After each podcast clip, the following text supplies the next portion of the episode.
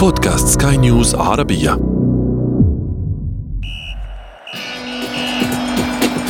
أثير الكرة.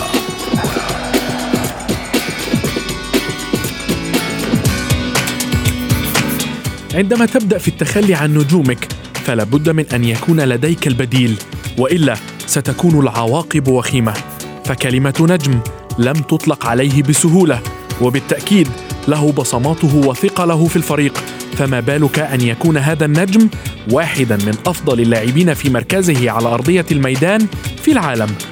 بداية موسم جديد اقتربت وميركاتو مشتعل تحت الرماد. لا يشعر به أحد.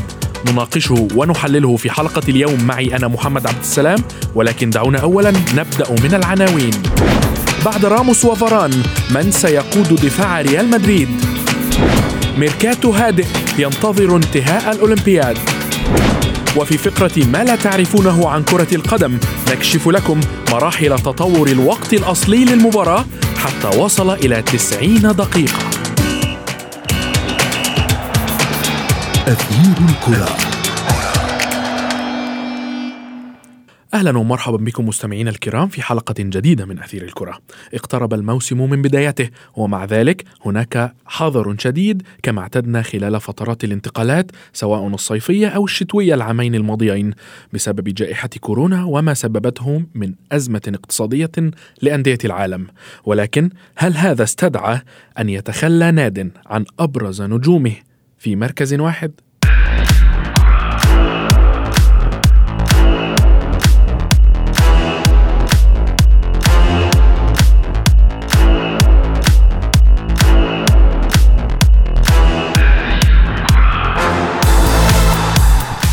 في ميركاتو لم تتم فيه صفقات مدوية تذكر. برز تخلي نادي ريال مدريد الإسباني عن نجم قلب دفاع نجمي قلب دفاعه الإسباني سيرجيو راموس والفرنسي رافائيل نادال. رافائيل فاران عفوا. ما جعل كثيرا من عشاق النادي الملكي وحتى محبي كرة القدم في العالم. يتساءلون ما إذا كان ريال مدريد قادرا على سد الفراغ الذي تركه النجمان أم أنه سيكون هناك أزمة دفاعية حقيقية لدى الفريق. دعونا نستمع إلى التقرير التالي بصوت منجبور ثم نتابع. بدأ سوق الانتقالات الصيفي للعام 2021 دون أي صفقات مدوية في انتظار ما ستسفر عنه الأيام الباقية. ولكن ما هو أكيد أن أندية القارة الأوروبية بدأت من اليوم الأول في البحث عن صفقات جديدة لتدعيم صفوفها لمحاولة حصد الألقاب والمنافسة عليها. فبعد انتهاء منافسات يورو 2020 والتي توج بها المنتخب الإيطالي انهالت العروض على عدد من اللاعبين الذين برزوا خلال البطولة وكان على رأسهم النجم الإيطالي الشاب فيدريكو كييزا لاعب نادي يوفنتوس وكان من أبرزها عرض نادي ليفربول الإنجليزي للحصول على خدمات اللاعب مقابل 86 مليون جنيه استرليني. لكن إدارة نادي السيدة العجوز رفضت العرض وتمسكت باللاعب هناك أيضا اللاعب الإنجليزي جاك جريليش لاعب نادي أستون فيلا والذي برز كثيرا في اليورو. على الرغم من نزوله كبديل في معظم المباريات. إلا أن هناك أنباء عن رغبة عدة أندية كبيرة لضمه أبرزها بطل الدوري الإنجليزي الممتاز نادي مانشستر سيتي. أما قطب مانشستر الآخر فهو من أبرز من دخلوا سوق الانتقالات الصيفية حتى الآن بتعاقده مع النجم الإنجليزي الشاب سانشو قادما من بوروسيا دورتموند الألماني مقابل 83 مليون جنيه استرليني بعد مفاوضات دامت لأكثر من عام بين الناديين. وحققت هذه الصفقة لمانشستر يونايتد أرقاما قياسية رياضيا وماديا. ذلك لأن سانشو يعد أحد أبرز اللاعبين الشباب في العالم هذه الفترة. ولم يقف نادي الشياطين الحمر عند هذا الحد فقد تعاقد مع النجم الفرنسي رافائيل فاران من نادي ريال مدريد الإسباني في صفقة بلغت 41 مليون جنيه استرليني ما جعل الكثير من المتابعين يتساءلون بشأن كيفية تعامل الريال بعد فقدان اثنين من أبرز مدافعيه.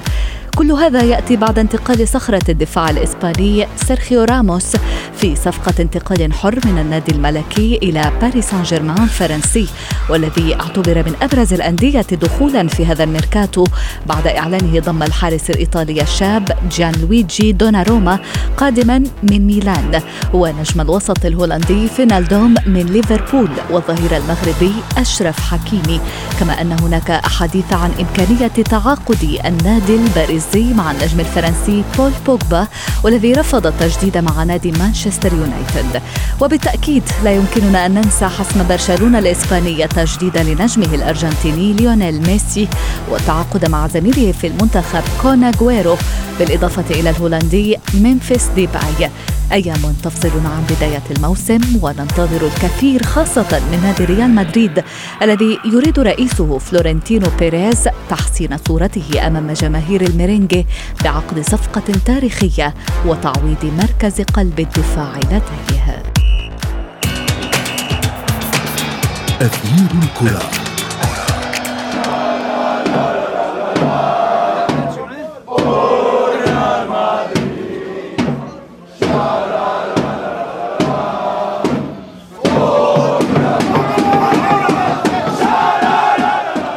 اتخذ نادي ريال مدريد الإسباني قرارا اعتبره البعض غريبا وهو التخلي عن مدافعه الفرنسي رافائيل فاران لصالح نادي مانشستر يونايتد الإنجليزي في صفقة بلغت قيمتها الكلية 40 مليون جنيه استرليني.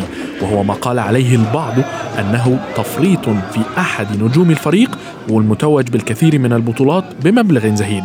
ولكن قبل فاران كان هناك أيضا راموس.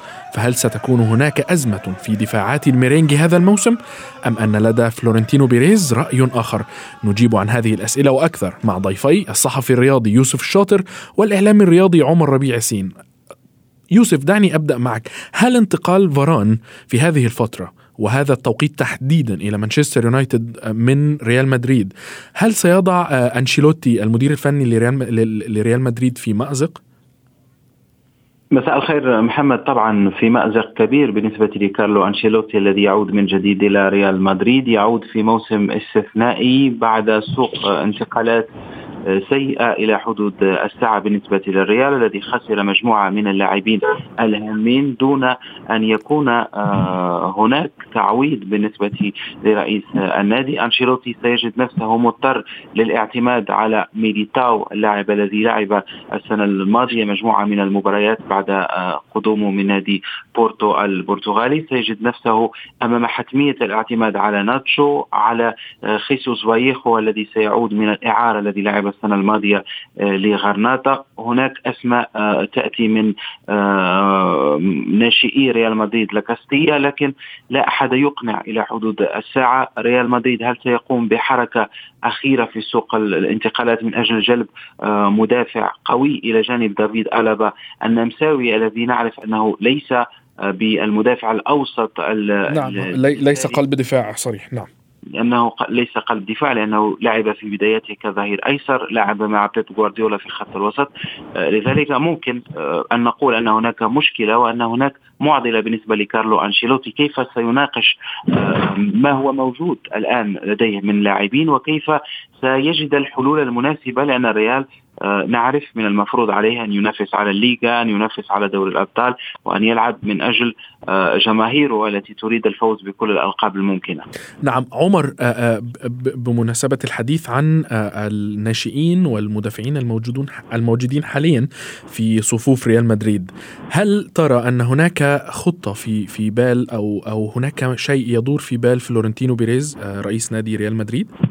معلش محمد بس أنا عايز أعلق على نقطة ليها علاقة بس بالميركاتو الخاص بريال مدريد. بالتأكيد. كارلو كارلو أنشيلوتي في ريال مدريد أعتقد إن ده يعني هو ده اللي فلورنتينو بيريز عايزه. هو عايز مدير فني ما يتكلمش معاه في في في, في صفقات كتير مش عايز حد يتكلم معاه في لعيبة مش عايز حد يتكلم معاه في أمور كثيرة جدا. ده اللي إحنا عارفينه عن كارلو أنشيلوتي. يمكن شخصيته مش من الشخصيات القوية اللي يقدر إن هو يعني مش زي مورينيو مش زي مش متعب من الآخر بالنسبة لفريق ريال مدريد. ولو كان البعض كمان لو لو لو البعض من الساده المستمعين متابع أعتقد إن مانشستر كان عرض بول بوجبا وبعض الأموال لضم رافائيل فاران ولكن بيريز فضل إن هو إن هو يعني يعني ياخد فلوس عن الصفقة كلها بدل ما بدل ما في لاعب يخش في أي صفقات وبالتالي الموضوع بالنسبة للجماهير ريال مدريد الناس مش فاهمة. ولكن زي ما أنت بتتكلم على موضوع الناشئين يمكن في بعض الأندية اللي بتركز تركيز كبير على صفوف الناشئين ولكن ريال مدريد ما أعتقدش إن هو واحد من ال...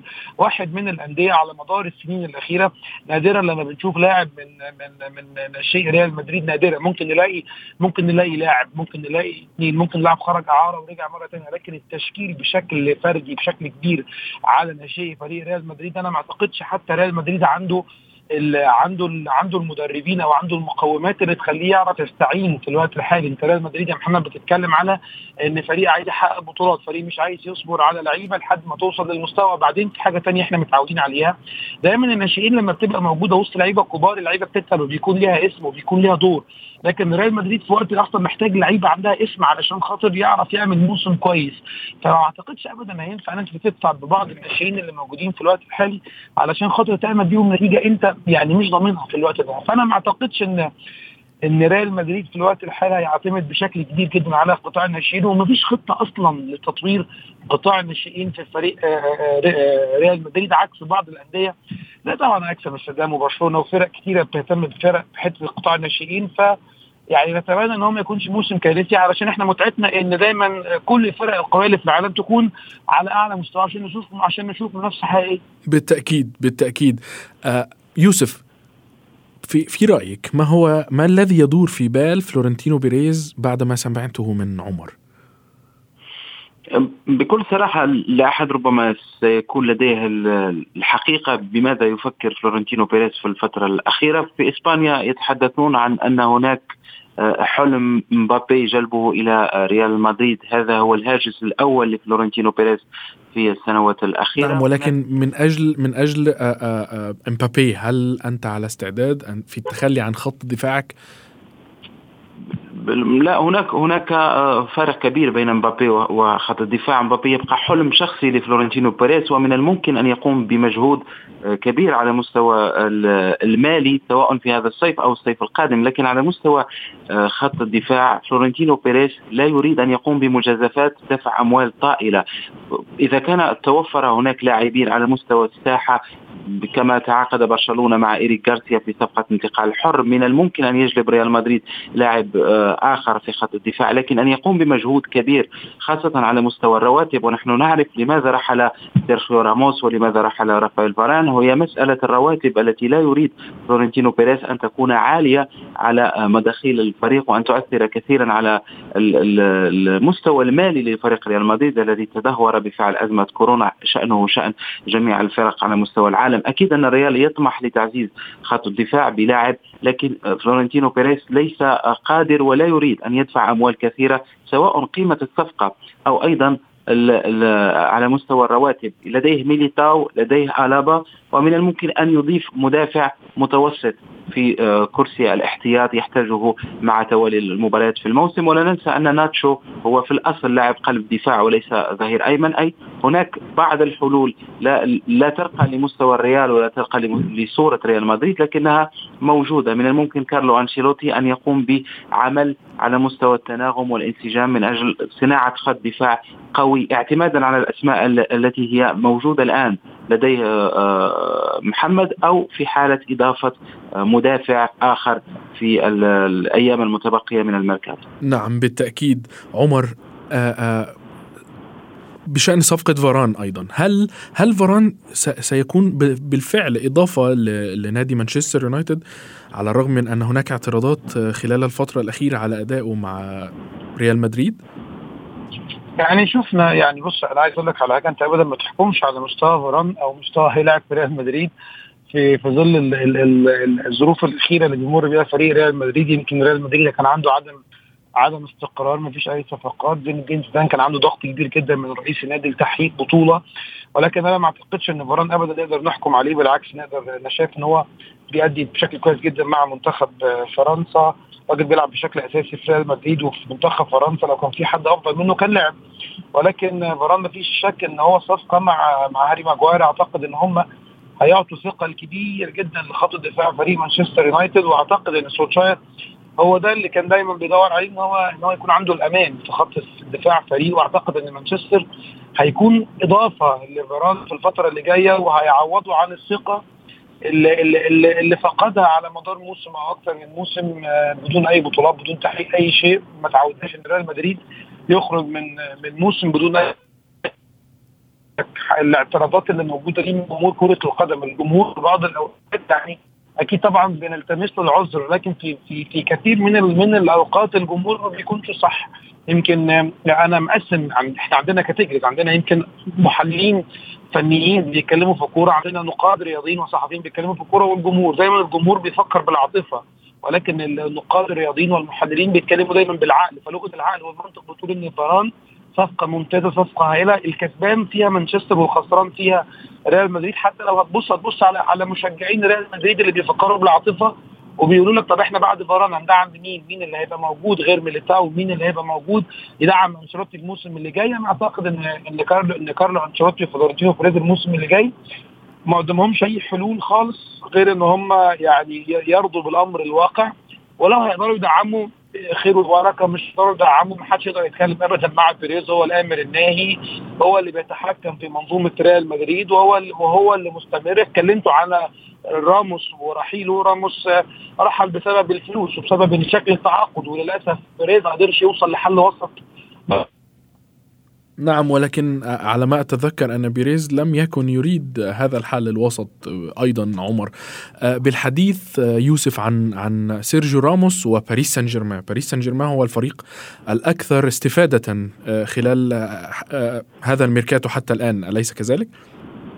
طبعا باريس سان جيرمان يطارد Champions League يريد التتويج بدوري أبطال أوروبا. جلب آه، مدرب آه، كبير موريسيو بوشيتينو يصنع فريق شيئا آه، فشيئا يقوي بعض الوضعيات أو المواقف التي عانى منها في السنوات الأخيرة. تعاقد مع أشرف حكيمي آه، في مركز الظهير الأيمن يعطي لباريس سان جيرمان آه، أريحية كبيرة على مستوى هذا المركز. نعرف ما يقدمه أشرف حكيمي على المستوى الهجومي. وتابعناه الموسم الماضي في انترناسيونالي آه، ميلانو. أيضا جلب دوناروما حارس مستوى عالي وأفضل لاعب في أمم أوروبا الماضية. تعاقد مع فيجنالدوم لاعب قوي في خط الوسط. فاز بدوري الأبطال مع ليفربول. يعرف المسابقة جيدا. آه، بالتالي ممكن أن نتحدث آه، محمد عن فريق الأحلام الآن لدى آه، باريس سان جيرمان في كل الم...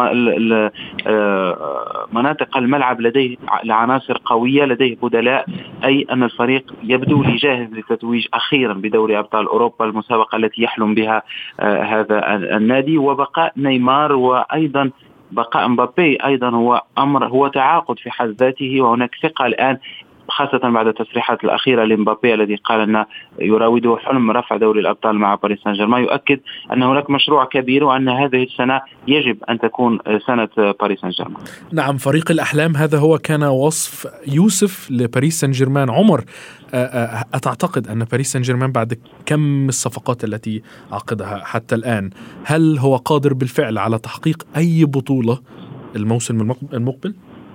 محمد أنا لا أعتقد إن الأسماء اللي, باريس سان جيرمان اتعاقد معاها يعني أسماء كبيرة ولكن ما أعتقدش إن باريس سان جيرمان هيقدر يحقق بطولة بص نتفق نختلف الاسماء كبيرة ولكن إيه الطموح؟ الطموح عندهم إيه؟ هل هم رايحين عشان الفلوس؟ هل هم رايحين عشان البطولات؟ هل باريس سان جيرمان دي نوعية اللعيبة اللي محتاجة عشان تقاتل من أجله؟ إحنا شفنا توماس توخل باريس سان جيرمان ما صبرش عليه بعد ما الراجل وصل وحقق وراح بعد كده حقق مع تشيلسي أخذ الخبرة اللي عايزها في باريس سان جيرمان كده راح حقق مع فريق تشيلسي. ولكن آه، اللعيبة اللي موجودة زي ما أنا بقول لك لعيبة بتبحث عن مال وليست وليست آه، تبحث عن مجد شخصي. وبالتالي أعتقد من الصعب. دايما المشكلة في النادي المشكلة مش في اللعيبة. ممكن يبقى عندك أحسن لعيبة في العالم ولكن المنظومة اللي عندك والسيستم اللي موجود عندك لا يشجع ابدا على تحقيق بطولات. ولكن أنا وجهة نظري المتواضعة جدا ووجهة نظري اللي ممكن البعض يتفق أو يختلف أنا شايف ان ال ان, إن ال squad الموجود في باريس سان جيرمان قوي بالنسبة للدوري الفرنسي ولكن هو squad بلا طموح بالنسبة لل Champions League أو دوري أبطال أوروبا وارد من الممكن يعني بنسبة بسيطة ممكن يكون في منافسة ولكن أعتقد إن باريس سان جيرمان يعني ما أعتقدش إن نيمار ومبابي حتى في عز تألقهم عرفوا أو وصلوا للدرجة اللي هم يعني جمهور فريق سان جيرمان أو الإدارة تتمناها ولكن في كرة القدم ما فيش حاجة مستحيلة لكن أنا بتكلم على الورق إن آه، مش شايف أي مستقبل لباريس سان جيرمان في دوري أبطال أوروبا وده مش هيحصل إلا عن طريق نعم. التعاقد مع لاعبين عندهم طموح ولعيبة عندهم الباشن زي ما بتقول في لغة كرة القدم عن تحقيق لقب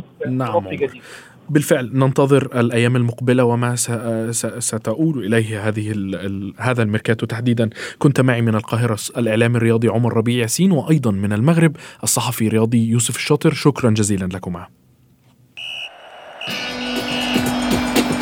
أثير الكرة.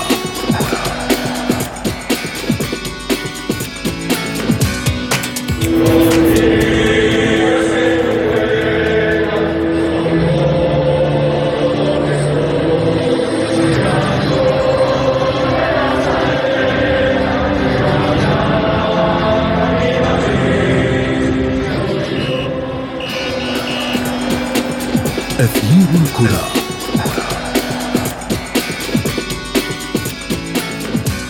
إلى فقرة ما لا تعرفونه عن كرة القدم وفيها نتعرف على مراحل تطور الوقت الأصلي لمباراة كرة القدم حتى وصلت إلى 90 دقيقة تحديدا.